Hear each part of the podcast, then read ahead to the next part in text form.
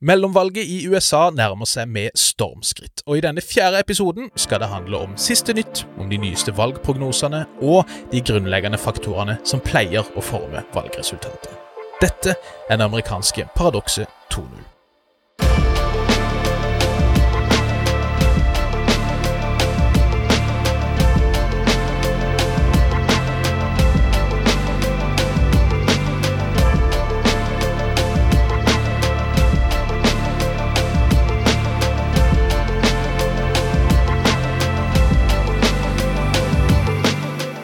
Hei og hjertelig velkommen til en ny episode av det amerikanske paradokset 2.0. Med meg, Bjørnar Østby, og ved min side, eller rettere sagt rett overfor meg, førsteamanuensis Hilde Restad. Nå tok jeg godt bilde av det. Hjertelig velkommen tilbake, Hilde. Takk. Du har hatt en busy dag allerede, skjønner jeg. Kommer rett fra boklansering og NRK-intervju. Ja, sånn kan det gå. Sånn kan det gå. Alt for fansen. Men det, det, er veldig, veldig koselig at det er folk som bryr seg om at man har skrevet en bok. Mm. Det er vært trist hvis ingen brydde seg, kan vi vel innrømme.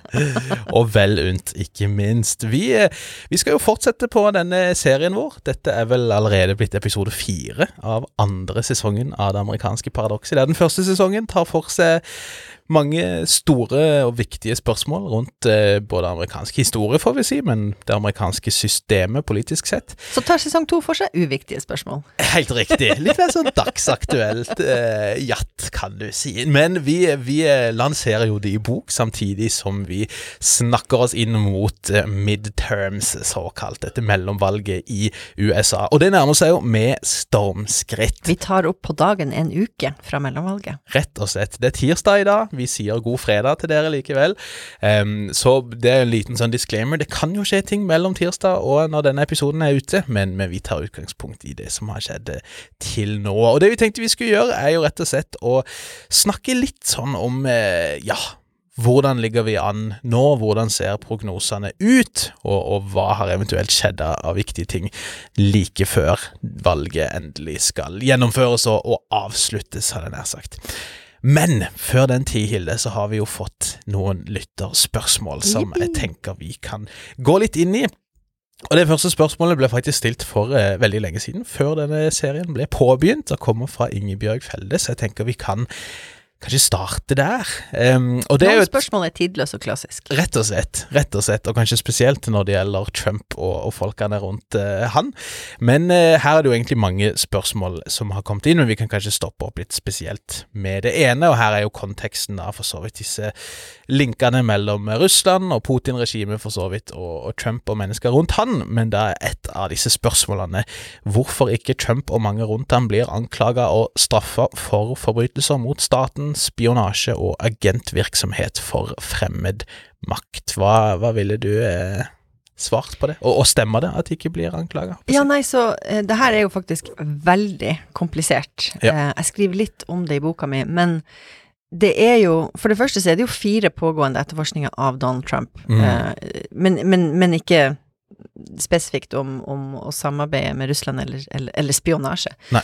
Men um, det er et. Jeg vil si det er en uavklart situasjon, fordi at du hadde etterforskninger av eh, i hvilken grad Trump-valgkampen hadde koordinert med russiske aktører i valgkampen i 2016. Mm. Det var Mueller-etterforskninga, og den fant jo ut at Trump-valgkampen hadde i høy grad forsøkt Mm. å eh, koordinere Donald Trump i valgkampen i 2016, sa jo 'Russia if you're listening'. Han ville hacke Clintons e-mails. Så her er det en litt uavklart situasjon på gang, som, som har vært eh, vanskeliggjort av at pers the person of interest var presidentkandidat, og så president. Og det Så nå har vi hatt en veldig, jeg vil si, deilig pause på eh, hva det er blitt, snart to år. Men skulle Trump komme tilbake Mm. som presidentkandidat, så er det også en del av de her spørsmålene som på ny vil bli relevant, for det er ikke helt avklart i hvilken grad eh, Trump-selskapet er, har forbindelser Ja. i andre land som kan være kompromitterende. Riktig, riktig. Og det er vel, eh, pågår vel noe sak i, i New York nå, gjør det ikke det? Nå, akkurat nå så etterforsker New York hvorvidt eh, Trump-selskapet har em, vel løye om verdien på eiendommer for å betale mindre skatt. Ja, som okay. ikke er direkte Nei, nei. relevant, men, men Trump-selskapet eh, og på hvilken måte de har, har tjent sine penger, og med hvem, er jo fortsatt veldig relevant. Ja, just. Eh, vi har fått inn et annet spørsmål også, fra Anne Grete Løvli, som har vært i kontakt tidligere. Hei igjen, og takk for gode spørsmål. Eh, hun har eh, opptil flere spørsmål, vi kan prøve å, å snevre det ned litt, som har å gjøre med native americans, og hvorfor det snakkes så lite om de, sammenlignet med andre minoritetsgrupper i, eh, i USA. Og eventuelt også da om, om denne gruppa var utsatt for et folkemord, om det omtales som det i dag, og hvorfor det eventuelt ikke snakkes mer om dette. Har du noen eh, tanker om det? Jeg fikk faktisk spørsmål på boklanseringa mi i dag. Ja. Er det lov å si indianer? Ja. Jeg tror ikke egentlig det er lov lenger. Nei, Jeg tror vi sier urbefolkning. Um, men just. Uh, det er et veldig relevant og veldig viktig spørsmål, fordi hun har helt rett. Um, Den amerikanske urbefolkninga er på en måte det usynlige bakteppet som gjorde USA mulig. Ja. Um, også dem som har blitt, fått posisjon som de andre i den amerikanske fortellinga, det er jo gjerne svarte. Mm. Først som slaver, og så gjennom segregeringa i sørstatene. Ja. Mens eh, urbefolkningstragedien eh, på en måte ikke har hatt samme posisjon da, i fortellinga. Eh, de har på en måte blitt marginalisert og usynliggjort. em, og det var jo USA sin utvidelse, geografisk sett, var jo Premisset var jo en etnisk rensing av urbefolkninga vestover. Ja. Man dreiv jo med ulike metoder og strategier og flytta, eller dytta, urbefolkninga vestover, sånn at mange havna etter hvert på de her områdene i vest, for eksempel Oklahoma. Det Mm. var jo på en måte et eneste stort reservat en stund. Ja. Um, og veldig mange Altså, det, det var jo på en måte et slags kulturfolkemord, fordi at du ødela måten de levde på, og flytta dem. Mm. Ja. Og, og pressa dem inn sammen med andre grupper, andre urbefolkningsgrupper som ikke man nødvendigvis hadde noe til felles med. Mm. Så hele den historien der er, er tragisk. Den er ikke utypisk for det man på engelsk kaller settler colonial states. Nei. Når du får nybyggere som kommer inn og skal ta over territorium, så må du rense det territoriet for urbefolkninga. Fordi det er vanligvis noen som bor der allerede. Det er vanligvis noen som bor der allerede. Ja. Hat tip Columbus, you didn't discover anything. um, men, men det er riktig at de ikke har hatt samme posisjon i den amerikanske fortellinga. Mm. Eh, og de var jo heller ikke amerikanere veldig lenge. Eh, Nei, og hadde heller ikke stemmerett veldig lenge, og de har, en eg, de har nå på en måte en del sjølråderett og egne lover på de her reservatene etc. Så det er en veldig sånn vond og vanskelig, men også til dels usynlig mm. del av amerikansk historie, som selvfølgelig fortjener mye mer oppmerksomhet. Ja, ja. Også med dette spørsmålet med, med folkemord, hvis, hvis en skal gå liksom inn i jussen på det, da, så blir det jo eh, en del definisjonsspørsmål der. Altså Folkemordkonvensjonen, som jo så klart ble etablert lenge etter disse forbrytelsene skjedde på en stor skala, den snakker jo om forskjellige beskytta grupper. Det er jo da etniske, nasjonale, religiøse grupper eh, inkludert. Det vil jo eh, gjelde for mange av disse forskjellige urbefolkningene. Em, men der da et folkemord skjer dersom en part eh, med overlegg, altså har en, gjør handlinger og bruker vold med en intensjon om å ødelegge en beskytta gruppe, helt eller delvis, da. Og da blir det jo spørsmål var det en intensjon, altså ble volden brukt for å faktisk utslette disse befolkningene helt eller delvis, og, og eh, det kan man vel i og for seg argumentere for. Det er vel ingen tvil om at resultatet uansett ble at mange av disse befolkningene ble ødelagt, håper jeg og, og i praksis nærmest utsetta, men mm, det er jo alltid dette intensjonsspørsmålet som gjør det veldig vanskelig Ja. å etablere hvorvidt noe er folkemord eller ikke juridisk sett. da. og her har ulike presidenter eh, hatt ulike intensjoner. Ja, ikke sant? Eh, og de har endra litt over tid. Eh, så Thomas Jefferson snakka om at ja, men hvis de, hvis de slår seg ned og begynner med landbruk, så er det noe greit. Ok. Men hvis de blir mer som oss, Ja, hvis ja, de blir sivilisert. ja.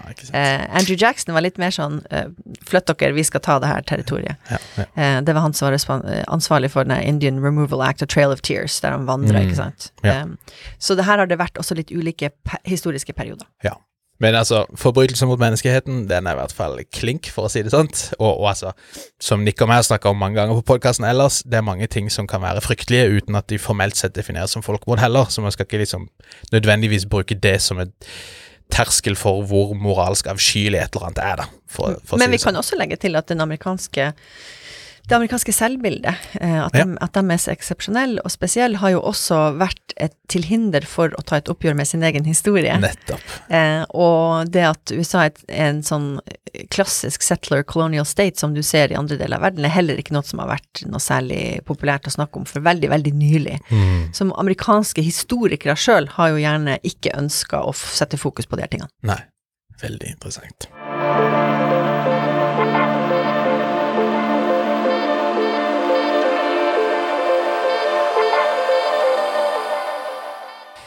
Ok, la oss hoppe inn i eh, Midterms. midterms. Vi er inn i det mer dagsaktuelle, såkalt. Um, og før vi ser framover, så kan vi jo se ever so slightly tilbake på hva som har skjedd eh, siden sist, om noe som, som du tenker vi bør snakke om. Og jeg har jo Jeg prøver jo, for å være helt ærlig, å lese nokså lite om amerikansk politikk. Det er liksom nok eh, elendighet å lese om i andre deler av verden. Men jeg har jo Self-care. It's self-care. Basically, ja. Um, men jeg har jo fått med meg dette angrepet på Paul Pelosi, mannen til Nancy Pelosi, og, og, eh, Where is Nancy? ja, og en del greier rundt det der, håper jeg å si. For meg, bare gitt at det skjer når det skjer og sånn, så kan det jo virke som dette er relevant for det som pågår, men hva er dine tanker, håper jeg hva, hva skjedde, og, og Ja. hvordan snakkes det om det som har skjedd eh, nå?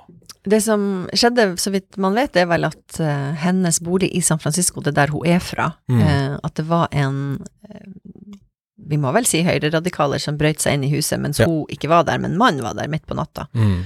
Og ropte 'Where's Nancy?', som var det de ropte når de angrep Kongressen 6.1.2021, Ja. når de lette etter Nancy Pelosi. Eh, og så angrep han hennes mann med en hammer, så han eh, har vært på sykehus og blitt operert. Mm. Um, og, men, men det det her er et eksempel på, det er et symptom på den her, det som vi har snakka mye om, som er radikalisering av, av Ja. høyresida i USA, um, og der du ser at en del av den gamle republikanske eliten gjør det man forventer, nemlig at man fordømmer angrepet. Mitch McConnell, lederen for republikanerne i Senatet, har fordømt angrepet, Ja. etc., etc., så ser du at eh, den, eh, det økosystemet på ytre høyre, som er de her bloggerne, nettsidene, eh, radikale TV-kanalene, Lumpenkommentariatet. de eh, sier sånne ting som å, ha-ha-ha, kanskje noen burde betale kursjon for han som er arrestert. Altså, ikke sant. Så du har ikke en Du får ikke en samla reaksjon Nei. i det republikanske partiet eller på høyresida som fordømmer politisk vold, Mm. og det er så utrolig farlig. Kommer det til han å si for valget? Nei, and here's why. Mm. um, det er jo en sånn Det er jo en typisk sånn skille mellom statsvitere og Hva skal vi kalle dem? I don't know. Journalister? Hva, kommentatorer? Sjarlataner. Så, så, I did not say that! Såkalte eksperter. Eh, hva, hva er det faktisk som betyr noe? Ja. Det man vet når man studerer historiske trender og mellomvalg, er jo at det er noen få ting som betyr noe. Mm. Er det en ny president som ble valgt to år tidligere? Ja, vi så, opposisjonspartiet vinner kongressvalget. Mm. Det har skjedd over 90% av tida siden tidlig 1900-tall. Okay, Så ja. en, en sterk trend. Ja. Um, går det dårlig med økonomien, altså føler folk at det ikke går bra med landet, Mm. så sier man gjerne da må det jo være det må jo være den som er president sin feil. Da stemmer vi ikke på hans, hans parti. Nettopp, ja. Så og akkurat nå er det jo da veldig høy inflasjon i USA, og høye bensinpriser, og ting som folk føler at betyr at det går ikke bra med landet, som skulle tilsi at man straffer valget som sitter med makt, eh, partiet som sitter med makta. Mm. Så hvis du er en sånn statsviter som ser på det man kaller for the fundamentals, så er det ikke så interessant. Alt, alt det der the, the chatter som skjer. Mm. Sånn, folk blir slått med hammer og whatever. Re republikanerne tar Kongressen, på en måte. Ja, ja.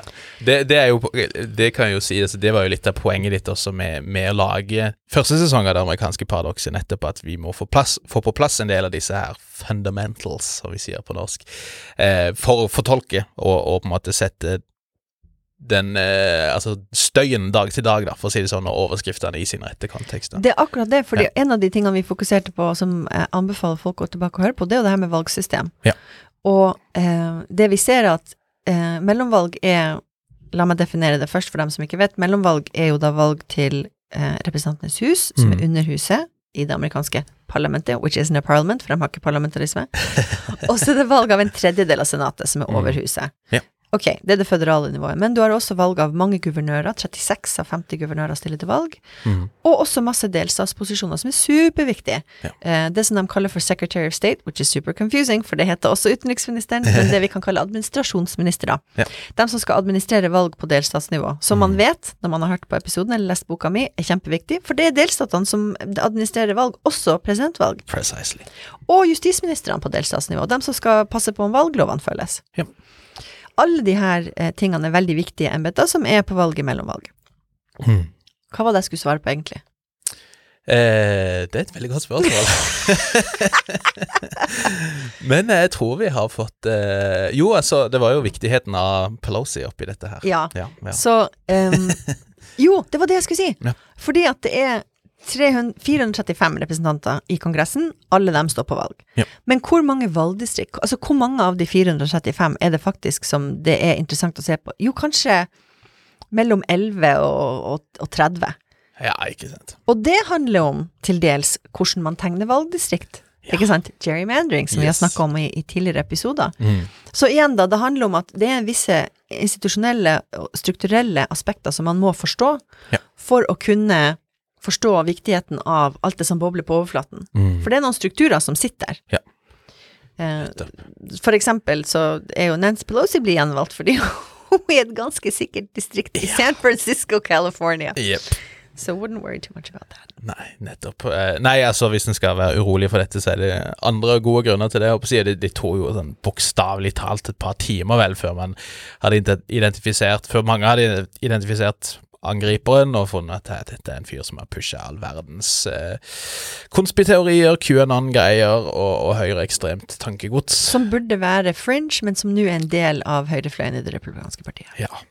Og så blir det jo ikke bedre, da, av at eh, dust in chief Elon Musk har eh, kjøpt Twitter og sparka alle og gjort seg sjøl til direktør.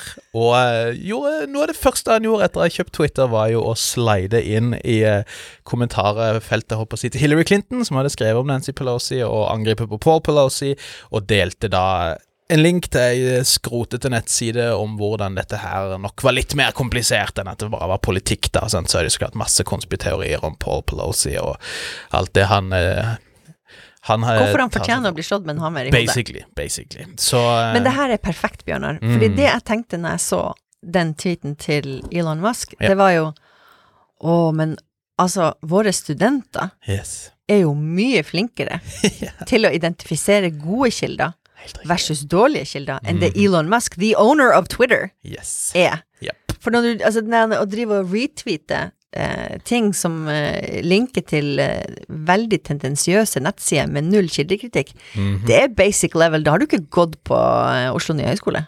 Nei. Og det har ikke Elon Musk, det kan vi bekrefte. Det kan vi eh, heldigvis, hadde jeg nær sagt, bekrefte. Og eh, Nei, ja, vi kunne snakka mye om han, og han, han er jo en sånn typisk sånn konsekvent kontrær eh, type, som er anti-anti alt mulig. Det er bare for en liten sånn pet peeve med. Mange der ute som nok egentlig er pro visse ting, men som bare sier 'Å nei, vi er ikke pro Trump, vi er bare anti de som er så fryktelig anti-Trump', liksom. Fordi det er jo faktisk Altså, hvis du står for noe, så får du stå for det. Så får du ha uh, guts til det, ikke innta sånne tåpelige kontrære anti-anti-posisjoner, liksom. Og Elon Musk har vel sletta den tweeten, tror jeg. Det kan tenkes. Men uten at han på en måte sa noe om det, eller beklaga, eller sa 'oi, Mhm. dårlig kilde', eller nei. Nei da, bare uh, moving on. Ja, og han har vel vært ganske tydelig på at han vil ha Trump tilbake på Twitter, blant annet. Det er jo mye spenning blant eh, ekstremismeforskere på liksom faser for, altså, sånn, Man kan si mye om Twitter og Facebook og så videre. Ja, Facebook langt, eller meter svakere på dette enn Twitter, kanskje, men, men har jo greid å få bukt til en viss grad med både IS-kontoer og propaganda, og med de mest høyreekstreme miljøene. Men det, det er jo en del frykt nå for at slusene skal åpnes igjen, da.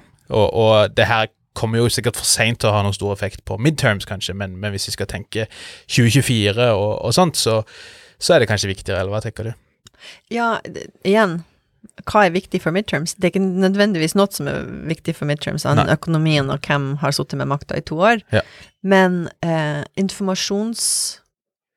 informasjonsuniverset, medieuniverset i USA, har jo Altså, det er jo en del av den store historien om radikaliseringa av Høyre i USA. Handler også om at du har fått et økosystem Ja. på høyresida i amerikanske medier som du ikke har på venstresida. Mm. Som jo, Twitter er en del av, da.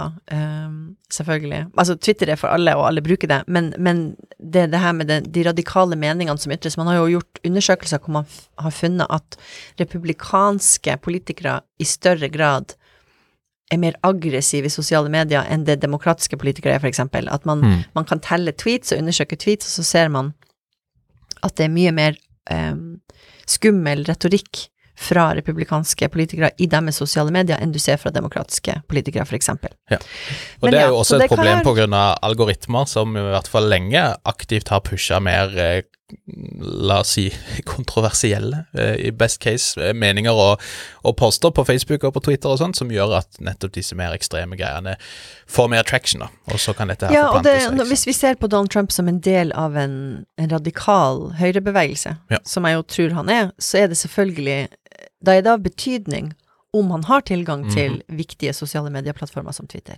Ja, og det virker jo å være sant, da, da han var på Twitter, så var det jo hver bidige Da var det jo nyhetsartikler om hva for noe piss han hadde skrevet da han sto opp uh, den dagen. Ja, for ikke å si det er veldig slitsomt. Ja, men uh, når han er på Er det Truth Social det heter, den greia han sier? For noe piss, altså. Men uh, det, det er jo vesentlig mindre mediedekning av det han tar seg for der, selv om jeg har skjønt at det er mye ymse der også med disse her Er det Mule Watchers de kaller det? Sånn eh, Ja, du, du rister på hodet. Åh. Skal vi la det ligge? Men det, det som er Altså, nå er snart mellomvalget over, Ja. og da begynner presidentvalget 2024. Så det kan plutselig være at om noen uker så er vi tilbake der vi var for to år siden. Trump er på Twitter, det er opptak til presidentvalg. Ja. Så nyt stillheten, folkens. Self-care. Og be om styrke i mellomtida. Um, vi eh, kan jo ja, Altså, har, har du sett noe til nå? Nå har vi snakka om fundamentals, det er en del strukturer her som pleier å være nokså sånn Har nokså forutsigbare konsekvenser, let's say, men har det vært noen ting til nå som har vært overraskende, uh, vil du si? Det er jo en ting som kan Altså, alle, alle, alle historiske trender tilsier at republikanerne At det blir en rød bølge. Ja. Og at de tar over både Representantenes hus og Senatet. I Senatet er det 50 50, 50 demokratiske senatorer, 50 republikanske senatorer, så der ligger det på vippen. Mm. Kamala Harris som visepresident kommer å break the tie. Ja. Um, men gitt uh, sånn som vi vet at det er, så burde republikanerne ta begge kammer. Men det er en faktor som kan begrense den eh, sterke historiske trenden, Ja. og det er eh, abortavgjørelsen i juni. Riktig. Eh, som var ikke en October surprise, men en June surprise, når Høyesterett omstøtta Roe v. Wade. Yes. Fordi det har jo for det første så har det mobilisert mange på venstresida. Ja. Til og man så en økning i folk som registrerte seg som velgere. Eh, Øk, økt eh, engasjement. Mm. Um, og vi, vi ser jo at det, det å mobilisere på sinnet Ja. er veldig effektivt. Mm. Og nå er venstresida sint. Ja. um, så er det da spørsmålet hvordan kan det påvirke de ulike valgene i de ulike delstatene? Og her vil det være forskjell, fordi at det er jo noen delstater hvor det ikke er abortspørsmålet er ikke relevant, fordi delstatsgrunnloven har allerede Mm. selvbestemt abort. Ja. Eh, så i delstater som demokratene kontrollerer, og som har gode um, rettigheter på plass, så kan jo ironisk nok demokratene gjøre det verre, fordi at da vil ikke den avgjørelsen ha mobilisert velgerne. Riktig. I delstater hvor det her er på, på vippen, hvor det er et spørsmål om det, så kan det ha noe å si. Eh, og da tenker jeg at det kan være lurt å følge med på Michigan. Ok. Michigan er en vippestat. Vi vet at det har vært veldig viktig delstat i Midtvesten, som har gått mellom, frem og tilbake mellom eh, Obama og Trump og sånn, Mm. og Biden. De har en republikansk guvernør, eh, Gretchen Whitmer, som for øvrig var på vei til å bli kidnappa. Hvis vi husker den historien fra noen år tilbake, fra igjen ekstrem høyre. Den ble akkurat dømt. Hun stiller til gjenvalg. Michigan er vel den vippestaten det er nok ikke den eneste, men det er en av de vippestatene som har, som også ikke bare skal stemme over guvernør og sånne ting, men også skal stemme over et lovforslag om å få en, en delstatsrett til selvbestemt abort. Stemmer. Så det er klart at det kan jo da være til hennes fordel. Mm. Det er en vippestat, det kan mobilisere flere velgere på venstresida. Det blir det spennende å følge med på, Ja. ja. um, for det kan ha noe å si. Mm. Så det vil jeg si er den ene store faktoren som kan motvirke de trendene vi burde se. Ja. Mm. Just. Eh, altså sånn, når vi eh, gradvis går mot en slutt her, så er jo et av de store spørsmålene Som du kanskje har svart litt på, men, men sånn mer konkret, da. Dette med prognoser. Mm. Det er grunner til å tro at Mm. det vil bli en rød bølge, historisk sett. Ja. Statistisk sett, for så vidt. Eh, hva, hva sier altså prognosene som er der ute, da? Hva, hva kan man lese der? Er det noe der som tyder på at det kanskje vil bli jevnere enn man har forventa, eller? De, ja, så det, har, det her har gått litt i perioder. Eh, Ja. I vår så så det ut som det gikk mot et klassisk mellomvalg med rød bølge Mm. for de, republikanerne. Så kom eh, avgjørelsen, Dobbs-avgjørelsen i juni, Ja. og en rekke eh, lover som ble vedtatt av Kongressen. Så plutselig så virka det som om venstresida var mobilisert. De var både sint Mm. på Høyesterett, og de var inspirert av at Biden-administrasjonen fikk til ting. Ja. Og så gjorde de det bedre i meningsmålingene en stund, og nå er vi litt mer tilbake til den Mm. det scenarioet man kunne forvente om, Ja. om en rød bølge. Ja. Um, men så er det også sånn da at nå må folk være litt forsiktige de, hvis de sitter og leser rapporter og følger med på ting, for at du kommer til å få rapporter som Det her så jeg på Twitter i går. Og vi ser at det er mange unge i Wisconsin, som er en viktig stat i Midtvesten, som, som eh, forhåndsstemmer. Mm. Eh, For det kan vi jo nevne. altså Valget starter ikke 8. november, valget Nei. slutter 8. november. Det er mange delstater som har begynt forhåndsstemming. Så Mm. du begynner å få inn tall. Ja. Så i Wisconsin så kom det tall som viste at å, de unge er engasjert. Mm. Det bruker å være veldig bra nyheter for demokratene. Ja. Yngre velgere tenderer til å stemme demokratisk. Men det er også sånn at demokratiske velgere, har vi sett, tenderer til å forhåndsstemme. Og så kommer republikanerne på valgdagen. Nettopp, ja. Så man skal være litt sånn forsiktig med å sitte og Mm. tolke ting ut av um, delvise tall. Ja. Og det skal vi òg tenke på. Eh, når valgdagen kommer, så er det mange delstater som ikke begynner å telle brevstemmer, eksempel, Nei. før etter at valgdagen er over. Så resultatene kan endre seg. Det er ikke sikkert at vi vet 8. eller 9. november hvem, hvem som har vunnet valget, for de driver og teller. Nettopp, ja. Eh, og jeg husker at i 2018, tror jeg det var, så tok det vel nesten ei uke før man hadde fått de endelige tallene. Eh, og da, så, så man skal vok vokte seg litt for liksom folk som erklærer dagen etter valget, det her er resultatet. Well, Ja. maybe you don't know the result yet. Mm. Nettopp, ja. ja og det, det, for meg virker det jo Det har jo vært mye snakk om liksom prognoser og hvor treffsikre det er. Det er bare liksom sjarlataneri omtrent. Det var kanskje spesielt etter brexit og deretter Trump det, der på det er en veldig viktig debatt. Mm. For det er klart at eh, det å drive med meningsmålinger er jo en egen Ja. uh, vitenskap. Mm. Og det er ikke så enkelt eh, i et landskap som endrer seg. En av de tingene som skjedde i 2016, det var jo at de man var vant til å ha som respon eh, respondenter i meningsmålinger, var ikke like lenger like eh, representativt for dem som faktisk stemte. Ja. Så Trump klarte å mobilisere en del hvite arbeiderklassevelgere som ikke vanligvis, som ikke er så flinke, og de svarer ikke nødvendigvis når meningsmålingsbyrået ringer. Mm. Eh, så man plukka ikke helt opp at Nei. de var i ferd med å bli en, en velgergruppe. Just. Um, så det forklarer litt Altså, ikke sant, for å, for å få riktige meningsmålinger, så må du spørre Du må ha et representativt utvalg. Men hvem er de representative? Altså, det kan endre seg litt fra valg til valg. Mm. Um, så det Jeg har kikka litt på Nate Silver sin um, De lager jo en modell. Ja. Um, de tar mange meningsmålinger, sånn at man liksom skal vi ikke skal være avhengig av én meningsmåling, og den var kanskje litt dårlig, men du tar mange meningsmålinger. Og så legger de til andre faktorer. Um, og det han sier er at de har, de har tatt med inn i sin modell at de antar at meningsmålinger Og det her bryter de ned på delstatsnivå, at det er noen delstater, hvis meningsmålinger nok undervurderer støtten til republikanere. Blant annet på grunn av, den velgergruppa jeg snakka om i sted. Ja. Og det har de bakt inn i sin modell. Okay. Eh, Så de gir republikanerne litt mer sjanse enn det meningsmålingene sier i visse delstater. Så for eksempel Ohio. Ja. Der er det et spennende senatsvalg, der JD Vance, som var kjent som en forfatter av boka Hillbilly Elegy, Stemmer, ja. stiller til valg nå Ja. for republikanerne. Um, og Ohio har jo historisk sett vært en veldig, veldig viktig vippestat, men vi har sett det siste tiåret at det har blitt mer og mer konsekvent republikansk. Mm. Så det Nate Silver gjør, er at han sier at vi tror ikke egentlig at Ohio er en vippestat, Nei. gitt den nyere historien. Ja, ja. Meningsmålingene sier at det er veldig jevnt. Meningsmålingene sier at kanskje ikke JD Vance vinner. Mm. Vi tror at han faktisk kommer til å gjøre det fire prosentpoeng bedre enn det meningsmålingene sier, og det er egentlig en seier. Ja, ikke sant. Så det, du må på en måte dykke litt ned i det, da. Men, Mm. men, Men det tyder eh, jo kanskje på en del læring også bare de siste årene, da, at disse modellene blir stadig bedre, selv om de aldri blir perfekte, liksom. Absolutt. Men så er det også det her med at generalene utkjemper siste krig. Mm, Hva er det vi ikke plukker opp i år? Det vet vi ikke før valget er ferdig. Ja. Ja.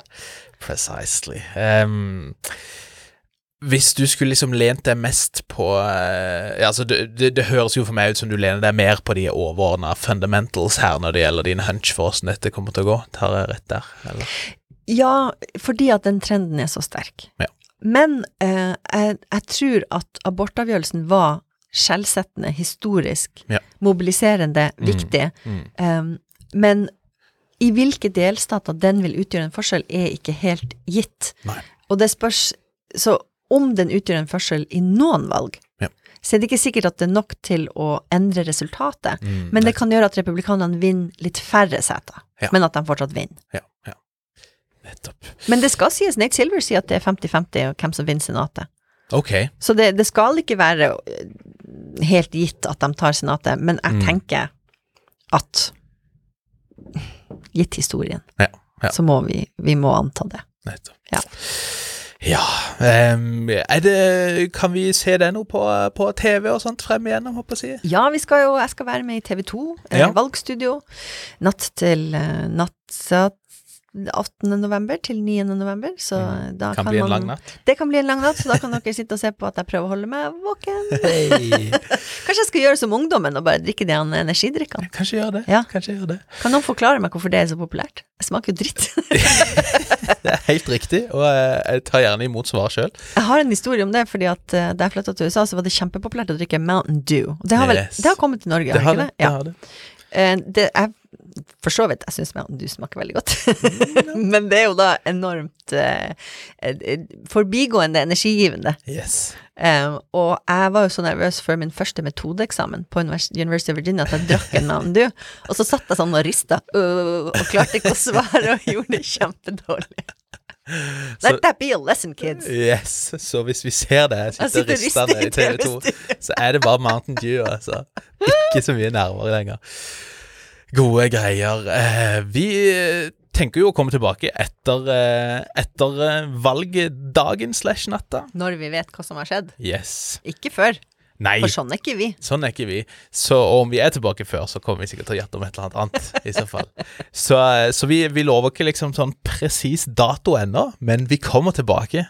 Såpass mye kan vi, eh, kan vi love. Dere blir ikke kvitt oss ennå. Nei, det gjør dere ikke. Så, og da kommer vi til å handle litt nettopp om, eh, om resultatene, når vi vet det. Hva som har skjedd, hva som ikke skjedde, og hva som eventuelt eh, var overraskende. Og så er det vel gode grunner til å tro at det kan bli en del sånn halloi generelt i, i de ukene som kommer også, så vi skal prøve å holde dere oppdatert på det. Så er det så klart lov som, for, eh, som alltid, å sende spørsmål på eh, www.hvaskjermedverden.no. Eh, hvis dere har spørsmål, gjerne om ting som skjer nå de neste dagene og, og ukene, og om resultatene de kommer. Send vi- oss spørsmål, for vi svarer på dem. Yes, det gjør vi. Og eh, så er det jo også bare eh, viktig å minne om boka. Kjøp boka. Buy or die, som de sier. Um, og vil du si du fortsatt er villig til å gå, gå turer til postkontoret på Grønland? Det er jeg villig til. Det er så hyggelig når folk sender meg mail og spør om jeg kan skrive til kona i julegave. Det er bare hyggelig. Ja, ja, Så det er bare å si fra, så skal jeg ordne. Perfekt. Da sier vi som alltid tusen takk for eh, følge, lik og del og alle de greiene der. Eh, tusen takk til deg som alltid, Hilde. Takk til deg, Bjørnar. Tusen takk for oss. Vi høres.